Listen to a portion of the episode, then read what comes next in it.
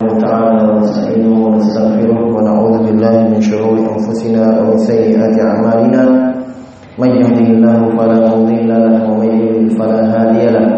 أشهد أن لا إله إلا الله وحده لا شريك له وأشهد أن محمدا عبده ورسوله.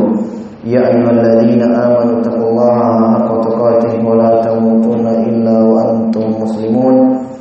يا أيها الناس اتقوا ربكم الذي خلقكم من نفس واحدة وخلق منها زوجها وبث منهما رجالا كثيرا ونساء.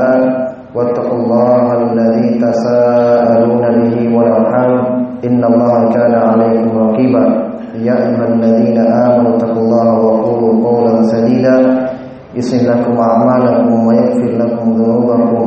ومن يطع الله ورسوله فقد فاز فوزا عظيما. أما بعد فإن أصدق الحديث كتاب الله وخير الهدي هدي محمد صلى الله عليه وسلم.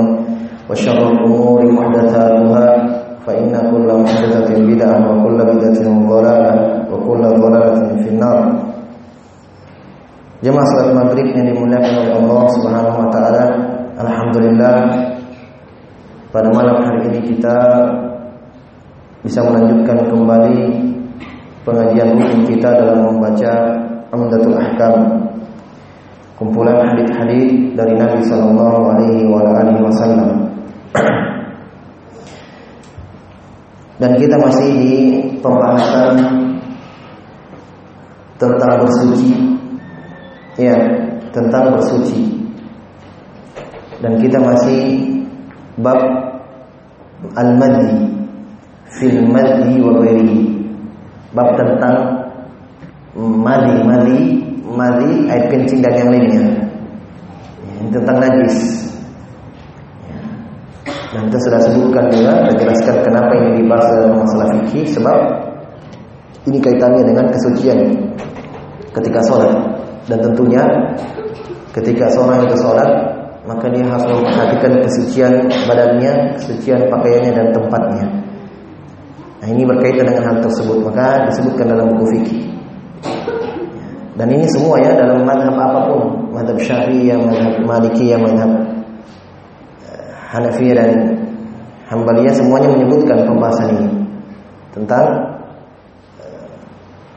yang hal-hal yang najis dan cara mensucikannya.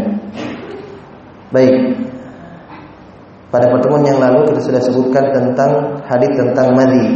Iya hadis Ali bin Abi Thalib yang kesimpulannya bahwa madi itu najis. Ini disepakati ulama. Iya, disepakati oleh ulama.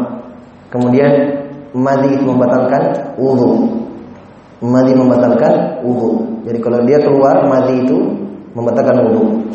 Sebab Ali bin Abi Thalib diperintahkan oleh Nabi SAW untuk berwudu.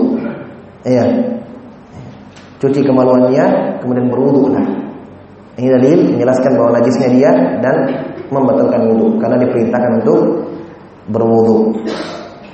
Kemudian hadis yang berikutnya yang kita sebutkan juga tentang kesimpulannya ya. Hadisnya yang kedua tentang seorang yang ragu dalam sholatnya. Ya kan dia ragu. Nah, ini kayaknya saya kentut atau belum ini. Kayaknya ada keluar ini. Ya tapi dia ragu, maka Nabi memberikan jalan keluar, la yang sarif hatta yasma'a sautan aw yajidarihan. Jangan dia membatalkan salatnya kecuali dia dengar suara atau dia mendapatkan bau. Ya, jadi dalam hal itu kesimpulannya Nabi sallallahu alaihi wasallam memberikan kita kaidah bahwa al yakin la yazul bisyak, bahwa keyakinan itu tidak bisa dihilangkan digeser oleh keraguan. Tapi sekarang hadis yang berikutnya kata penulis di sini an ummi Qais binti Mihsan. An Ummi Qais binti Mihsan al-Asadiyah. Dari sahabat sahabiyah namanya Ummu Qais. Ummu Qais. Ya, ini uh, kunyah ya kunyah untuk perempuan. Kalau kunyah untuk laki-laki Abu. Ya Abu Bakar Abu Hafs ya, Abu Abdullah dan seterusnya. Tapi kalau kunyah untuk perempuan ummu. Ini ummu kunyahnya ummu Qais. Dan ini disunahkan ya dalam bernama kita disunahkan untuk berkunyah. Diperintahkan kata Nabi takallam berkunyahlah kalian. Disunahkan itu diperintahkan kunyah. Nabi tidak boleh berkunyah dengan namanya Nabi Abu Qasim. Nabi namanya Muhammad SAW. Kunyahnya Abu Abu Qasim. Anda boleh berkunyah dengan Abu Qasim. Tapi ada ulama yang kunyah dengan Abu Qasim. Kenapa? Sebab mereka melihat larangan Nabi berkunyah dengan kunyahnya itu di zaman Nabi hidup. Itu berlaku hanya untuk sahabat. Kenapa? Supaya kalau dipanggil, ya, disebut namanya tidak mirip.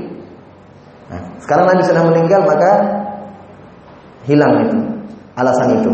Makanya jangan heran kenapa ada ulama sebagiannya bukunya dengan Abu Qasim. Itu pandangan mereka. Tapi dalam hadis yang jelas bahwa Nabi melarang berkunyah dengan namanya.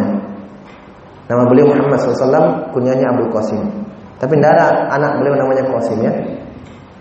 Nama anak beliau Ibrahim, Ruqayyah, Ummu Kulsum. Ya, maksudnya menunjukkan bahwa kunyah itu tidak harus nama anak. Tidak harus. Misalnya ada orang belum ada istrinya belum ada anaknya, bisa berkunyah, bisa berkunyah. Tidak harus nanti ada anaknya baru tunggu abu ini. Ya, oh, berarti kalau belum ada anaknya abu-abu saja. Tidak ya? Abu Bakar As-Siddiq itu punyanya Abu Bakar.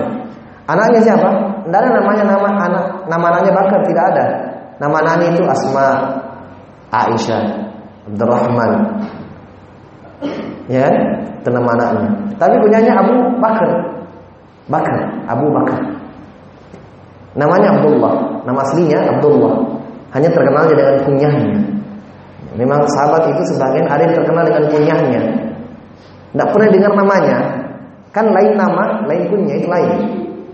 Ya kan? Lain nama, lain kunyah. Seperti Abu Hurairah, tidak pernah sebut namanya itu. Abu Hurairah namanya. Kunyahnya. Makanya ada ulama yang mengatakan namanya Abu Hurairah itu Abu Hurairah. Saking memang tidak pernah dikenal dengan tidak pernah dengar, dengar namanya. Ada yang menyebutkan namanya namanya Abdurrahman, tapi itu pendapat eh, hanya terkenal saja di kalangan ulama, tapi tidak pernah dapat dalil bahwa itu namanya. Makanya tentang namanya Abu Hurairah itu sahabat, kalau tidak salah itu sampai 20 pendapat. Banyak sekali. Ya, namanya diperselisihkan, namanya saja diperselisihkan. Baik, ini sahabat sahabiah namanya Ummu Qais bintu Mihsan, anak perempuannya Mihsan Al-Asadiyah, nama kampungnya ya nama nama tempatnya. Misalnya Makassari ya. ya. Kandari Taib. Namanya Asadiyah. Nama daerahnya. Radhiyallahu anha annaha atat bibnin laha sagir. Bahwa Ummu Qais ini ibu namanya Ummu Qais membawa anaknya sogir kecil. Kalau orang uh, Arab bilang sogir itu kecil, kecil. Lam kulit ta'am yang belum makan makanan berarti masih bayi ya. Sebulan, dua bulan yang belum makan makanan. Dia bawa ke mana? Dia bawa kepada Nabi Shallallahu Alaihi Wasallam. Dia gendong bawa kepada Nabi Shallallahu Alaihi Wasallam. Fa'ajlasahu. Nabi memangkunya, dia mengendongnya. Fa'ajlasahu Rasulullah sallallahu alaihi wasallam fi hijrihi. Nabi menunduk, mendudukkannya di pangkuannya, maksudnya digendong di pangku. Fabala. Anak ini kencing. Subhanallah, nanti kencingi. Ya. Kita tahu namanya ini anak siapa namanya ini anak ini. Berani-berani kencingin Nabi sallallahu ya. Anak ini kencing. Nah, baik, nah, baik ya, nah baik. Fabala ala kencing di pakaiannya Nabi SAW, jubahnya, bajunya. Fada'a bima'in, maka Nabi meminta untuk didatangkan air. Apa yang Nabi lakukan? Fanadohahu. Nabi memercikkan. Perhatikan, Nabi nadoh. Nadoh itu perciki. Bukan disiram, bukan disikat, ya dipercikkan. Ya otomatis kalau percik berarti iya iya. Ada yang tidak basah, kan begitu. Percikan sedikit. Yang jelas basah-basah sedikit aja. Fanadohahu ala taubih. Nabi hanya memercikkan bajunya. Walam yagsilhu. Nabi tidak mencucinya. Nabi tidak mencucinya, hanya percikan saja. Dalam hadis yang lain dari Aisyah sama riwayatnya kita baca, utiya bisobin. Nabi dibawakan kepada beliau anak bayi, fabala ala thawbihi, kencing di bajunya, fada bimain fa'atbahu iya. Maka Nabi memerintahkan juga untuk mendatangkan air, kemudian memercikannya. Ya. Dan walam yaksilhu, Nabi tidak mencucinya, sama riwayatnya. Berarti ada dua. Ya. Ada dari Aisyah, ada dari Ummu Qais. Kisahnya sama. Kisahnya sama, hanya yang meriwayatkannya beda. Jelas ya? Kalau yang pertama dari Ummu Qais, yang kedua dari Aisyah dan kejadiannya sama bahwa Nabi Shallallahu alaihi wasallam memangku anak bayi menggendongnya kemudian anak itu kencing. Baik. Ya. Maka secara umum hadis ini memiliki makna bahwa Nabi Shallallahu alaihi wasallam itu hanya memercikan ya, beliau menggendong atau memangku anak bayi tersebut kemudian Nabi kemudian anak itu kencing di baju Nabi Sallam hanya Nabi memercikan saja. Ini makna global hadis. Ya, makna global. Ya, maka di dalam hadis ini terdapat beberapa hukum. Ya, yang pertama menunjukkan najisnya anak kencing bayi. Kenapa kita katakan najis? Sebab Nabi ambil air. Kalau tidak najis biarkan saja. Faham ya? Hanya ulama fikih menggolongkan bahwa kencing bayi laki-laki dengan catatan yang belum makan apa-apa kecuali ASI. Adapun sekali-kali diberikan diberi ke rumah, ini tidak masalah ini. Selama dia masih ASI saja yang dia minum, ya apa pun sekali-kali misalnya kalau dia sakit diberikan obat, ini tidak tetap dianggap dia masih minum ASI. Tapi ingat, ini hanya anak laki-laki. Ya, nah ulama fikih menggolongkan kencing bayi laki-laki yang belum makan makan selain ASI itu najis juga. Hanya digolongkan oleh ulama fikih najisnya mukhaffafah, ringan. Tapi mereka juga mengatakan itu najis. Jelas ya? Najis yang paling ringan. Nah, ada najis yang di pertengahan, itu kencing dewasa. Kotoran manusia, ini kencing apa eh, najis yang di pertengahan. Nah, ada najis yang berat, mughalladhah. Ini seperti sampai ingat jilatan anjing. Kenapa dikatakan ulama fikih menggolongkan najis berat? Karena cara membersihkannya. Intinya dari sisi cara membersihkannya. Kalau kencing cuma disiram, berarti biasa di pertengahan. Ketika kencing anak yang baru lahir laki-laki belum makan selain ASI dipercikkan, berarti lebih ringan cara membersihkannya. Pas jilatan anjing, bagaimana cara membersihkannya? Dicuci tujuh kali. Terakhirnya dengan debu, dengan pasir. Paham ya? ya. Berarti tiga. Nah, maka di sini menunjukkan bahwa kelirunya sebagian orang yang mengatakan anak kencing bayi laki-laki yang belum makan selain ASI itu tidak najis. Ini keliru. Ini keliru.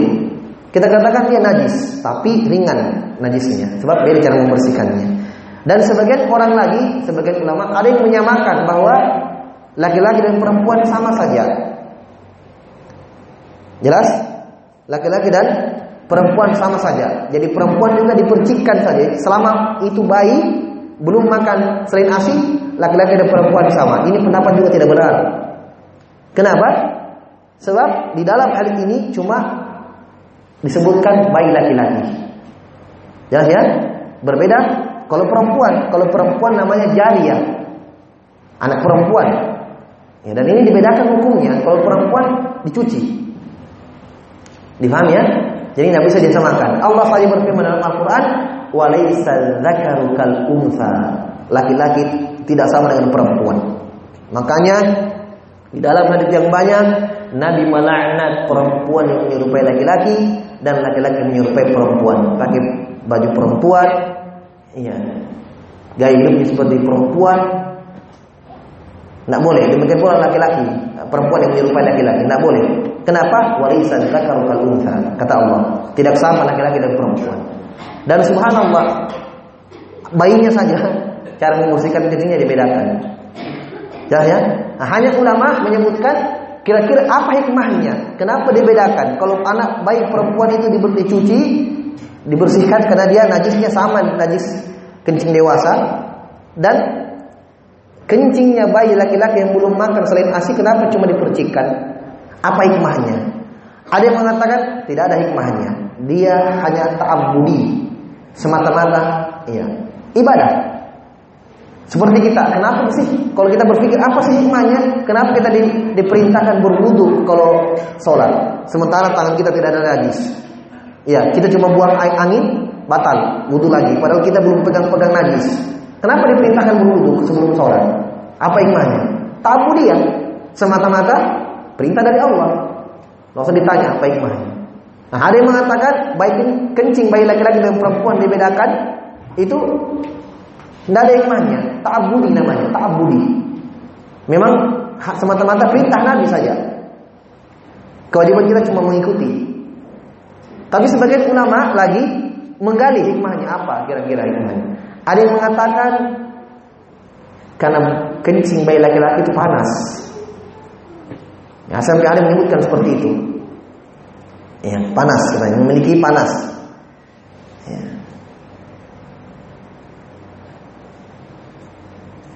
melebihi panasnya kencing bayi perempuan. Dengan proses di dalam perutnya, ya, sehingga kotorannya dibedakan. Pokoknya ada yang yang mereka sebutkan. Ada yang menyebutkan ini lebih masuk akal mungkin juga. Yang kedua ada yang menyebutkan katanya karena bayi laki-laki itu paling banyak yang senani. Iya kan? Jadi sering digendong. Nah, termasuk keringanan dari syariat supaya tidak memberatkan orang kalau kencing sedikit kencing cuci sedikit kencing cuci ya. jadi hikmahnya karena anak laki-laki banyak suka gemes ya gendong ya sudah baik laki-laki cukup dipercikan saja ini kata hikmahnya ya, Allah alam apa hikmahnya dan disebutkan di dalam hadis juga tidak ada ya yang jelas itu perintah dari Nabi SAW dan itu perbuatannya Nabi hanya memercikkan saja Ya, dan, dan kita katakan sunnahnya Nabi itu ada tiga. Sunnahnya Nabi ada tiga. Yang pertama sunnah ucapan, ya ucapannya perintah.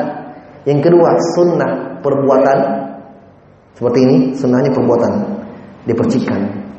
Ada yang ketiga sunnah takriyah namanya, bukan perbuatannya dan bukan ucapannya, hanya perbuatannya sahabat atau ucapannya sahabat tetapi Nabi ada di situ ketika dilakukan itu dan Nabi tidak mengingkarinya. Ini juga kita katakan sunnah. Minimalnya paling minimalnya kita katakan boleh, mubah. Paham ya? Minimalnya kita katakan mubah. Ini juga penting untuk disebutkan. Seperti saya contohkan ya. Sahabat dulu makan dok. Dok ini mirip dengan biawak. Tapi hidup di padang pasir. Bedanya dengan biawak, kalau biawak makan daging, dia makan rumput. Iya, orang bilang biawak padang pasir, biawak Arab, tapi beda. Dan dia jinak. Kalau dog, jinak. Kalau biawak kan liar. Iya, lidahnya panjang, tapi mirip palanya bentuknya. Ini ketika dihidangkan Nabi SAW makanan ada makanan banyak, ada dog. Beliau tidak makan, tapi sahabat makan. Dok namanya. Sahabat makan. Nah, Nabi tidak mengingkari sahabat. Nabi hanya melihat mereka, tapi Nabi tidak makan. Nah, ini menunjukkan minimal yang kita katakan halal. Boleh. Ya kan? Nabi ada di situ. Kalau haram, Nabi pasti tegur. Walaupun Nabi sendiri tidak memakannya dan tidak memerintahkan dengan lisannya, makanlah itu. Ya itu halal, tidak. Nabi hanya melihat. Nah, ini juga hukum. Ini juga hukum namanya. Dan jadi diperhatikan tiga ini. Perbuatannya Nabi, ucapannya atau penetapannya. Penetapannya. Baik. Nah di sini perbuatannya Nabi. Nabi yang memercikkan itu. Berarti ini menunjukkan bahwa itu najis. Ya, menunjukkan bahwa itu najis. Kemudian di dalam hadis ini juga terdapat ilmu ya, bahwa kencing bayi laki-laki yang belum makan selain ASI itu hanya dipercikkan, tidak dicuci. Hanya dipercikkan tidak dicuci. Demikian pula faedah yang ketiga di dalam hadis ini terdapat e, menunjukkan Nabi Shallallahu Alaihi Wasallam memiliki akhlak yang mulia. Ya, Nabi tidak marah marah kepada ibunya, ambil ini anakmu ya, kencing lagi. Ya, Nabi tidak marah. Hanya Nabi merintahkan didatangkan air, Nabi mengucapkan. Dan menunjukkan juga ketawaduan beliau, rendah hati. Ya, subhanallah seorang nabi seorang pimpinan negara Ya, pimpinan negara ini Nabi Sallallahu di sini. Beliau Nabi dan Rasul Allah Subhanahu Wa Taala dan pimpinan negara. Gendong bayi, dikencingi. Ya, beliau tawabu sekali, rendah hati. Ya, bahkan pernah beliau itu menggonceng Muat di atas keledai. Bukan beliau digonceng, beliau bawa yang bawa motor ya, keledai. Beliau yang bawa ya, keledainya. Muat digonceng. Kemudian Muat memberikan pertanyaan. Ya, masih banyak kalau kita melihat hadis-hadis yang menunjukkan ketawaduan Nabi Shallallahu Alaihi wa ala alihi wasallam. Ya. Maka ini hadis Muqais radhiyallahu anha kesimpulannya menunjukkan tentang hukum kencing bayi laki-laki yang belum makan selain ASI. Maka hukumnya dia tidak najis. Tidaklah najis. Berarti sudah dua ya? Sudah lewat. Yang pertama mandi, yang kedua air kencing. Taib. Sekarang hadis yang berikutnya tentang hal-hal yang najis juga.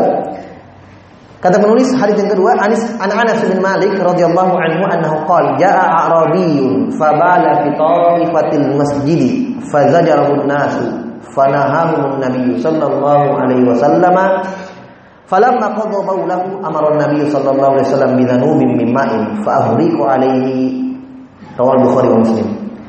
Hadis yang kedua pada malam hari ini hadis Anas bin Malik.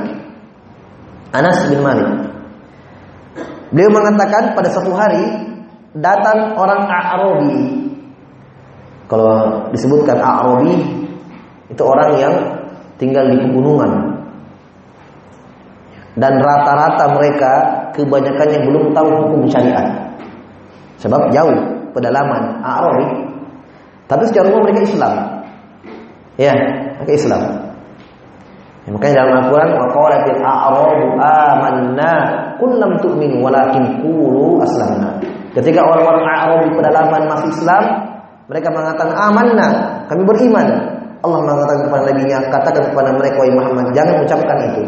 Tapi katakanlah aslamna. Kalian baru Islam Belum beriman. Kalian baru berislam Mengucapkan syahadat Baru berislam Belum beriman Sebab iman keyakinan dalam hati. Jelas ya? Ini menunjukkan juga bahwa bedanya Islam dengan iman. Ini orang-orang Arab ini. Dia datang fabala, kencing fi ifatil masjid, di sudut masjid. Di sudut masjid dia kencing. Bersyukur juga ya alhamdulillah tidak kencing tengah-tengah. Iya. Pintar juga dia, nyudut. Nyudut. Iya. Fi ta'ifah, ta'ifah itu artinya sudut. Fazajarahun nas. Maka sahabat yang ada di situ manusia, ya, mungkin banyak ini karena Anas bin Malik mengatakan manusia, berarti banyak sahabat. Memarahinya. Fazajaru, memarahi dengan keras suaranya. Ya, mungkin manusia, "Woi, Ya, sahabat. Banyak ini bukan cuma satu. Manusia kata Anas. Yang ada di situ menegur semuanya, melarang. Fanahahum Nabi sallallahu alaihi wasallam. Maka Nabi melarang mereka. Biarkan. Sahabat diam. Yang melarang itu Nabi melarang, diam. Falamma qada baulah, tatkala selesai kencingnya, selesai, selesai kencingnya, ya. Fa amara Nabi sallallahu alaihi wasallam bidanur. Nabi memerintahkan sahabat untuk mengambil danur, timba berisi air. Fa alaihi, disiramkan di atasnya disiramkan di atasnya kencingnya, disiramkan tempat kencingnya, disiramkan air. Paham ya? Baik, ini hadis Anas bin Malik. Ya, secara umum hadisnya kisah seorang Arabi, orang Badui datang kencing di masjid. Nabi menyiramkan di atas tempat kencingnya, di atas tempat yang dia kencing di situ. Baik.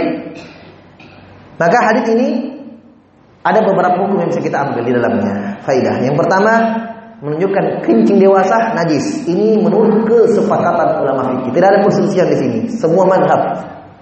Tidak ada perselisihan bahwa kencing dewasa najis. Kencingnya orang besar. Dengan dalil ini. Iya, dengan dalil ini disiramkan ke atasnya. Iya. Dan kalau mencuci, ya perhatikan kencingnya nak kencing di sini orang Arabi dimaklumi ya bahwa dulu masjidnya Nabi itu tidak ada semen keramik teh belum ada. Tanah. Jelas ya? Perhatikan. Nabi tidak memerintahkan sahabat ambil pacul. Gali. Kan tanah.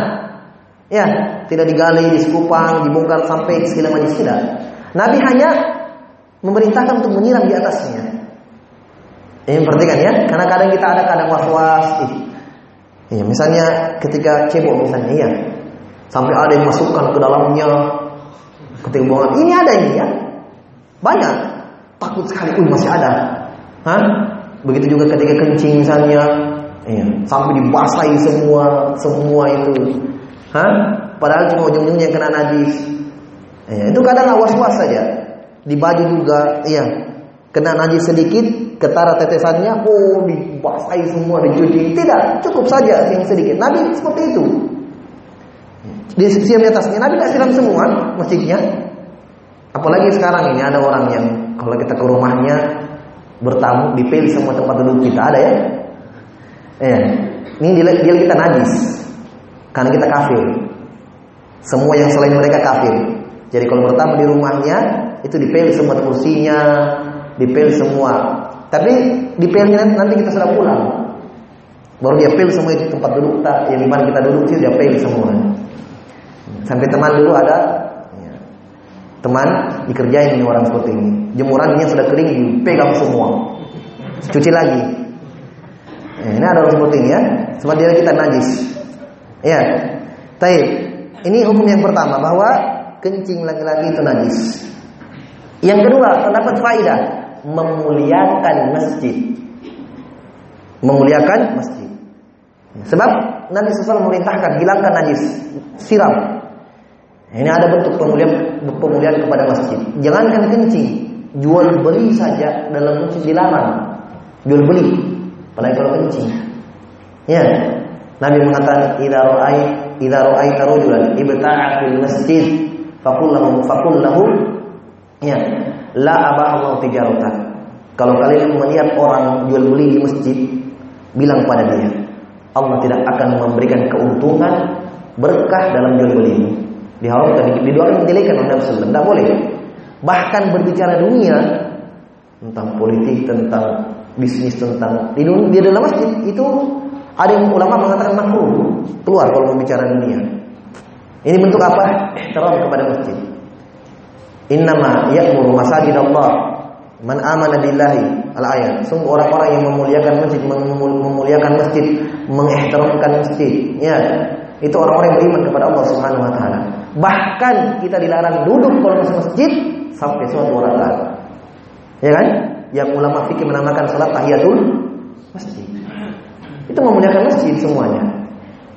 Ya. Nah, tetapi di sini ini faedah apa? Faedah berikutnya di sini menunjukkan juga akhlaknya Nabi Shallallahu alaihi wasallam. Ya. Dan akhlak Nabi SAW ini subhanallah betapa dalam riwayat-riwayat yang ada kadang ada orang masuk Islam karena akhlaknya Nabi sallallahu alaihi. Ada orang Yahudi pernah dengar kisahnya? Orang Yahudi yang sakit. Iya, yang benci Nabi sallallahu tapi ketika dia sakit dia dijenguk oleh Nabi sallallahu masuk Islam. Ya. Ada orang orang dalam hadis yang lain ada orang yang paling benci. Dia bilang yang paling saya benci adalah Muhammad. Kata Nabi, oh iya baik. Datang Nabi sallallahu diberikan dia 10 ekor kambing. Dikasih lagi, tambah lagi 10, tambah lagi 10. Dia mengatakan apa? Yang paling saya cintai adalah Muhammad. yang paling saya cintai Muhammad. Baik dia. Dikasih semuanya. Ini apa tali kultur? Karena akhlaknya Nabi Sallam itu orang melihat subhanallah inilah Islam. Ya, kita juga umat seperti itu memperlihatkan akhlak yang mulia kepada manusia. Ya, apalagi ada nilai tersendiri ta'liful qulub, menarik orang kepada agama Islam. Dan dalam hadis ini ketika sahabat memarahi orang ini Nabi melarang. Tidak disebutkan dalam riwayat yang lain. Dalam riwayat yang lain orang Arab ini mengatakan apa? Allahumma rahim Allahumma rahamni wa Muhammadan wa la tarham ma'ana ahad. Orang ini bilang ya, berarti ini kisahnya panjang ya, mungkin ketika dia selesai kencing dia keluar ya, mungkin sama tujuh tunjuk atau apa. Tapi Nabi jangan. Orang ini mengatakan, "Ya Allah, rahmatilah saya dan Muhammad saja, yang lain jangan." Subhanallah. Ya Allah, rahmatilah saya dan Muhammad saja, yang lain jangan. Mereka itu semua tidak baik, Muhammad saja yang baik. Rahmat saya dengan dia, yang lain jangan. Subhanallah, berarti kan? Ya. Nah, ini faedah yang paling besar di dalam hadis ini. Yaitu apa? Terdapat kaidah fikih. Kaidah fikih. Kalau kita melihat kenapa Nabi SAW melarang orang ini, melarang sahabat memarahi orang yang kencing. Apakah kita katakan Nabi membiarkan keburukan, Nabi membiarkan perbuatan jahat, Nabi membiarkan kesalahan? Oh tidak. Tidak semua kesalahan itu ini kaidah pegang baik-baik. Tidak semua kejelekan, tidak semua ya mudorot, kejelekan itu kita hilangkan. Kadang kita biarkan. Kenapa? Dengan catatan, kalau kita hilangkan kejelekan ini, muncul kejelekan yang lebih besar. Ini kaidah dalam syariat, disepakati dalam Al-Qur'an bahkan ada penyebutannya. Wala tasubbul ladina yad'una min dunillahi fayasubbullaha adwan bighairi ilm. Iya. Jangan kalian iya, jangan kalian mencela sembahan orang-orang musyrik. Celah Tuhan jangan. Kenapa? Akan melahirkan mudarat yang lebih besar. Betul, ini mudarat. Mereka itu menyembah selain Allah. Mudarat, tapi jangan celah sembahan mereka. Kenapa? Akan ada muncul mudarat yang lebih besar. Apa itu? Kata Allah, mereka akan mencela Allah.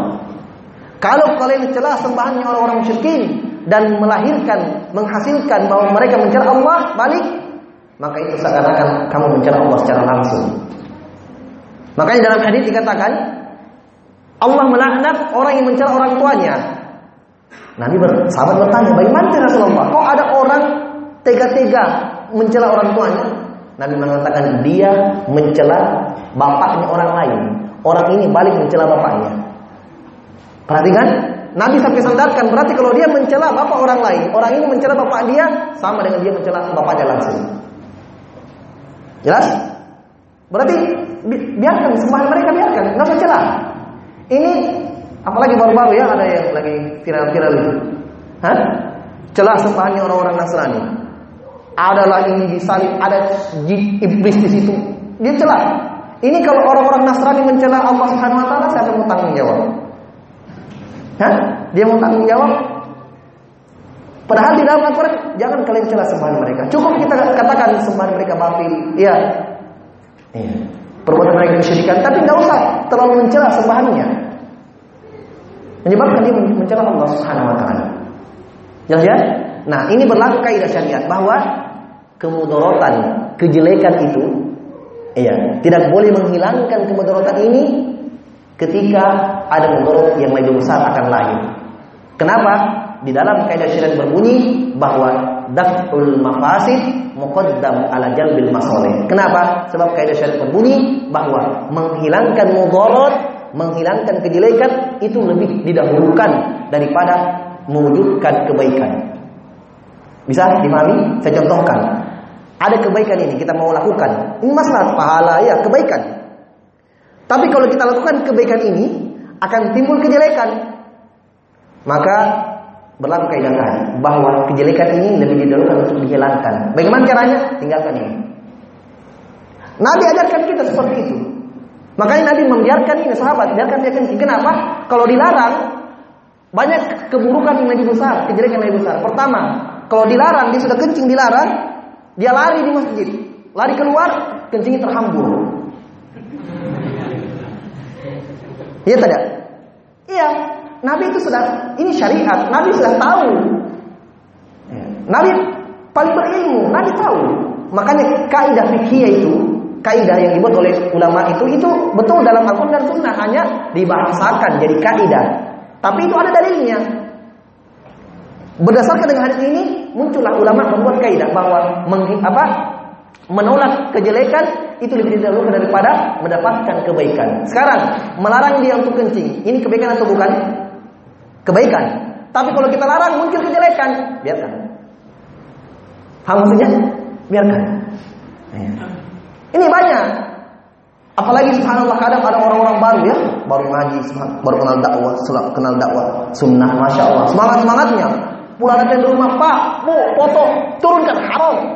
Hah? Turunkan semuanya haram. Iya, lagi semangat semangatnya dia ya. Sebentar, pak, pukul dia. Kau baru kemarin sore, hah? Baru makan garam. sudah larang-larang. Ini kamu masih kecil potong juga itu sendiri. Ya. Padahal nggak semua kemungkaran itu di, yang dihilangkan gitu. Muncul motor yang lebih besar. Makanya Nabi SAW dan Allah dan Rasulnya ketika melarang kita melakukan pemberontakan-pemberontakan kepada pemerintah, bukan karena Nabi SAW itu membiarkan keburukan, bukan. Nabi lebih menyayangi, lebih mengetahui apa yang terjadi kalau kalian memberontak. Nabi mengatakan isma wa wa in ukhidha maluka wa Taat dan dengarkanlah kepada pimpinan kalian. Walaupun kalian dicambuk, walaupun kalian diambil hartanya. Bukan jangan kita mengatakan Nabi membiarkan keburukan tidak. Kan Nabi mengetahui kalau kalian memberontak kepada pemerintah, itu mudaratnya lebih besar. Nyawa melayang, darah tertumpah, sarana rusak, hancur semua bangunan, macet. Belum masih banyak kemudaratan. Lebih mending bersabar kemudaratannya untuk kita sendiri. Kita minta kita kepada Allah selesai. Jelas ya? Eh, apalagi hari ini, subhanallah demonstrasi di mana-mana. Apa yang terjadi? Rumah sakit banyak pasien baru. Iya kan? Apa yang kalian dapatkan? Nada. Usah jauh-jauh di, di negara di, di negara dekat-dekat Timur Tengah sana. Coba lihat. Ya. Ketika ulama tidak tidak berfatwa jihad, bukan ulama diam-diam bukan mereka membiarkan keburukan yang terjadi di sana tidak. Karena kalian itu lemah di situ, tidak bisa apa-apa. Kalian merontak juga, menggulingkan pemerintah, apa yang kalian dapatkan? Tidak ada. Mereka kuat, bunuh diri saja, habis. Toh begitu juga ke keadaan tetap. Apa yang didapatkan? Nyawa mana yang habis. Ya kan? Coba lihat di Suriah. Ulama kita tidak berpatu jihad, yang berpatu jihad apa? Yang mengatakan, oh perangi mereka, siapa itu? Mereka duduk-duduk di rumahnya dengan anak istrinya. Hah? Orang-orang pergi sana, dia tidak ikut. Nyawa yang habis. Bahkan pemerintah dalam hadis saja Nabi mengatakan kalau kalian melihat pemerintah yang kalian tidak sukai, kata Nabi Sallallahu sabar kalian. Sahabat mengatakan, ya Rasulullah, kalau kami melihat begitu seperti itu, ya mereka mengulim kita, boleh kita merontak? Kata Nabi, la masallahu, la masallahu, la masallahu. Jangan, selama mereka main sholat, selama mereka main sholat, selama mereka main sholat. Jelas? Tidak eh, boleh merontak. Kalau misalnya jelas-jelas pemerintah kita kafir, gini, jelas-jelas, apakah langsung boleh merontak? Hah? Tidak boleh. Tetap dengan cara-cara. Tidak boleh. Kenapa? Berlaku kaidah ini. Yang pertama, tetap tidak boleh menggulingkan dia kalau ada kemudaratan yang lebih besar. Tidak boleh. Pertumpahan darah tidak boleh. Tidak boleh. Lebih baik bersabar walaupun kafir. Apakah kita katakan syariat ini betul-betul membiarkan kita dalam keburukan? Tidak. Karena keburukan lebih besar itu dihalangi. Ingat kaidah syariat berlaku, kaidah syariat yang paling penting untuk kita ingat. Syariat Islam itu datang untuk mewujudkan kemaslahat atau menghilangkan mudarat atau memperkecil mudarat itu. Itu kaidah itu. Tidak ada perintah pasti kebaikan. Tidak ada larangan pasti keburukan. Itu pasti. Maka ketika dilarang memberontak itu pasti keburukan. Jangan. Nabi mengatakan man arada ayyan sahah li sultan fala yublihi alaniyah walakin yakhudhu bi yadihi wa in qabila fadaka wa illa faqad adda ma alaihi Nabi mengatakan siapa yang memiliki dia ingin menasihati pemerintahnya yang dolim jangan dia nasihati terang-terangan bukan ke jalan bakar ban teriak-teriak di mimbar-mimbar khutbah Jumat pemerintah yang habis bukan Nabi mengatakan Jangan dia umumkan seperti itu untuk menjaga kehormatannya. Itu pemerintah kita. Imam Ahmad mengatakan kalau saya punya doa satu yang dikabulkan oleh Allah Subhanahu wa taala, saya akan doakan pemerintah. Bersama dengan itu beliau disiksa tiga generasi. Imam Ahmad. Ya. Nabi mengatakan kalau dia mau menasihati pemerintah, ambil tangannya. Nasihati secara sungguh-sungguh. Itu benar. Dalam Sahih Bukhari, ketika terjadi fitnah, Utsman bin Affan jadi pemerintah, pimpinan negara Utsman bin Affan terjadi fitnah. Orang-orang bertanya Usama bin Zaid, alim sahabat, kamu ini tidak menasihati Utsman, kenapa tidak menasihati Utsman bin Affan? Apa jawaban Usama bin Zaid? Oh, memangnya kalau saya mau menasihati Utsman, saya harus lapor. Hah? Saya harus lapor sama kalian, oh saya sudah menasihati Utsman. Entah apa saya bilang, saya sudah menasihatinya dan tidak perlu kalian tahu. Nah, itu amalan sahabat. Bukan keluar di jalan ngamuk-ngamuk. Itu tidak ada hasilnya kalau juga tidak dengar. Tidak ada hasilnya. Cuma kejelekan saja. Iya, ini penting nih untuk dibahas. Tapi waktu sudah habis. Wah, apa ini? Banyak sekali pertanyaan itu. Kayaknya puluh satu malam tidak usah belajar. Jawab pertanyaan saja. Allah Ustaz. Baik, sudah ya? Bahwa kesimpulannya kencing yang orang dewasa itu najis. Kencing dewasa najis.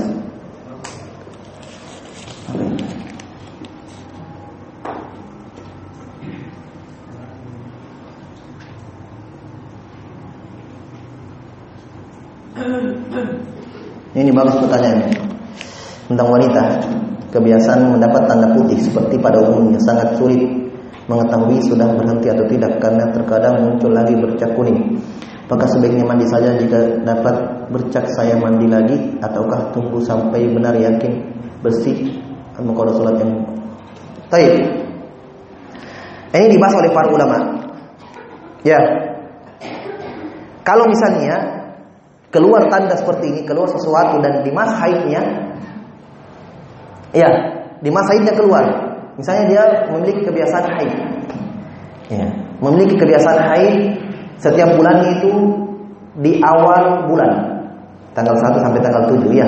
Bulan berikutnya masuk bulan misalnya Ramadan, masuk bulan Syawal, tanggal 1 Syawal sampai 7 Syawal haid lagi. Terus seperti itu kebiasaannya. Nah, di tanggal haidnya keluar darah, keluar warnanya lain-lain kadang putih, kadang kuning, apa keluar. Iya. Maka ulama mengatakan dianggap itu haid karena kebiasaannya di situ keluar darahnya. Terus ya, dikembalikan ke kebiasaannya. Apa pun warnanya. Ya, kalau memang dia tidak bisa tentukan warna darahnya apa, maka dianggap itu haid. Jelas ya? Adapun kalau yang ditanyakan ini seperti keputihan, keputihan itu ya biasa ya dalam perempuan itu Allah alam pembahasannya ulama mengatakan itu bukan itu dia tetap sholat saja. Keputihan itu biasa, hukumnya tidak ada. Dia bersihkan saya dia cuci, iya. Kemudian sholat. Kalau itu memang keputihan yang dimaksud. Wallahu a'lam. Dan memang kalau perkara ini sulit, sulit. Perkara termasuk perkara fikih yang sangat sulit dalam fikih. Imam Ahmad mempelajari haid 7 tahun. Kita sekali sepekan. Allah mustahil. Bukankah selain daripada Allah adalah makhluk? Namun mengapa Al-Quran tidak disebut sebagai makhluk? Padahal telah jelas bahwa selain Allah pada makhluk. Subhanallah. Saya tidak nyangka pada pertanyaan seperti ini. Jadi selain Allah makhluk, betul. Al-Quran bukan makhluk, itu sifatnya Allah. Kertasnya makhluk, tintanya makhluk. Iya, percetakannya makhluk, yang cetak Al-Quran. Iya, kertasnya makhluk. Tapi yang tertulis di dalam bukan makhluk, itu kalam Allah. Paham ya? Bukan makhluk. Kalau kertasnya ya makhluk. Ya. Misalnya resletingnya, misalnya pakai resleting, iya makhluk semua itu.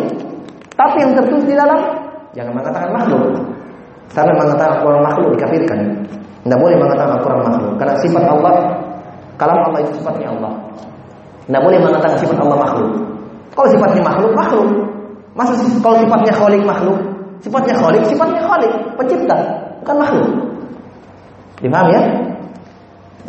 Ini permasalahan akidah. Baik. Ini pertanyaan sudah ada. Mungkin lain kali satu hadis saja. Sisanya kalau bolehkah memindahkan anak-anak yang sedang salat di dalam saf dan mengambil tempatnya? Ya ini penting juga ini. Ini bagi orang yang suka bawa anak-anak, kadang dia taruh di tengah saf. Anak-anak betul ada kedudukan dalam saf, tapi anak-anak yang sedang memayis, yang sudah berwudu. Kalau anak kecil yang belum berwudu itu jangan di saf. Karena kenapa? Itu memutuskan saf. Dia dianggap tiang. Kan begitu. Dia tidak berwudu. Karena juga pakai celana pendek. Iya, masih kecil, ditaruh di situ, taruh di belakang saja. Kenapa? Karena dia tidak berwudu dengan wudu yang baik. Maka dianggap tidak ada orang di situ, dianggap putus safnya. Ya, ya. Tapi kalau sudah memayis sudah besar, sudah bisa berwudu dengan yang baik, maka boleh dia langsung sebagaimana Anas bin Malik. Anas bin Malik ditakkan di saf dan dia masih kecil. Baik.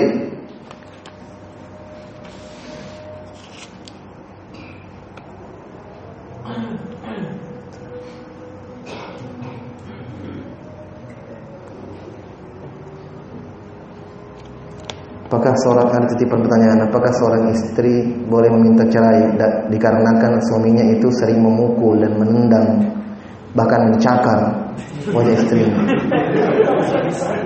Nauzubillah Padahal suaminya belajar kajian salaf. Wah ini tidak benar pertanyaan ini. Yang pertama, perbuatan oknum sebagian orang jangan disandarkan kepada oh ini pengajiannya berusaha oh, jangan. Tidak semua ya, jangan. Ya dilihat juga sama tahu memang istrinya juga yang melakukan pembangkangan kepada suaminya. Iya. Ya. Maka hendaknya kita semua bertakwa kepada Allah Subhanahu wa taala. Tapi kalau memang kedoliman sering, ya, maka tidak apa-apa. Tapi asalnya hukumnya perempuan minta cerai itu haram ya. Tidak boleh dalam hadis yang jelas tidak boleh perempuan minta cerai kepada suaminya. Ini namanya kulu. Dilarang kecuali dengan alasan yang syar'i. Misalnya suaminya tidak sholat misalnya, ya. Suaminya tidak sholat atau suaminya melakukan maksiat, boleh dia minta. Tapi ini dilihat ya, enggak. Sama tahu misalnya dia uh, memang sering melakukan kedurhakan, kedurhakan kepada suaminya, suaminya marah, ya. Dan ini suaminya kalau memukul itu tidak boleh memukul dalam hadis boleh memukul istri, tapi tidak boleh dengan pukulan yang mubarrah, yang membekas. Dalam Al-Quran ada disebutkan dalam Al-Quran ketika perempuan itu nusyul, iya membangkang kepada suami, kepada istri, apa membangkang kepada suaminya. Tetapi dengan langkah-langkah beberapa langkah. Yang pertama jauhi dia dari tempat tidurnya. Kemudian pertama nasihati dia. Kalau masih membangkang, jauhi dia pisah dari tempat tidurnya. Ya. Kalau masih membangkang, pukul. Dan pukul mereka. Tapi dalam hadis dijelaskan pukulannya itu yang tidak membekas dan hindari muka. Hindari muka itu boleh. Kalau memang perempuan yang membangkang, durhaka kepada suaminya.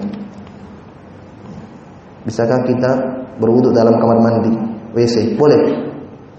Dalam keadaan tidak berpakaian, boleh. Tidak mengapa. Apakah batal wudhu kalau menyentuh ke kemaluan sendiri? Ini sudah ya kita bahas ya, menyentuh kemaluan? Belum. Membatal wudhu. Sudah kayaknya. Ini ada silang pendapat di kalangan ulama, pendapat yang berapa Allah alam itu batal wudhunya, berwudhu, dan ini lebih selamat, lebih aman. Dia ulangi wudhunya. Ini saya condong kepada pendapat yang mengatakan itu membatalkan wudhu. Ya, karena hadis yang mengatakan tidak batal wudhu ini dipermasalahkan hadisnya. Sementara hadis yang mengatakan wudhu batal itu tidak ada permasalahan. Ini dipermasalahkan hadisnya, ada yang mengatakan lemah. Imam Syafi'i melemahkan hadisnya. Makanya Imam Syafi'i mengatakan ini itu kemudian batal wudhu. Jelas ya, walaupun ada yang menganggapnya sahih, ada yang menganggapnya hadinya benar. Maka lebih selamatnya berwudu. Lebih selamatnya berwudu. Tapi Allah alam insya Allah sudah. Allah alam bisa. Subhanallah wa bihamdihi.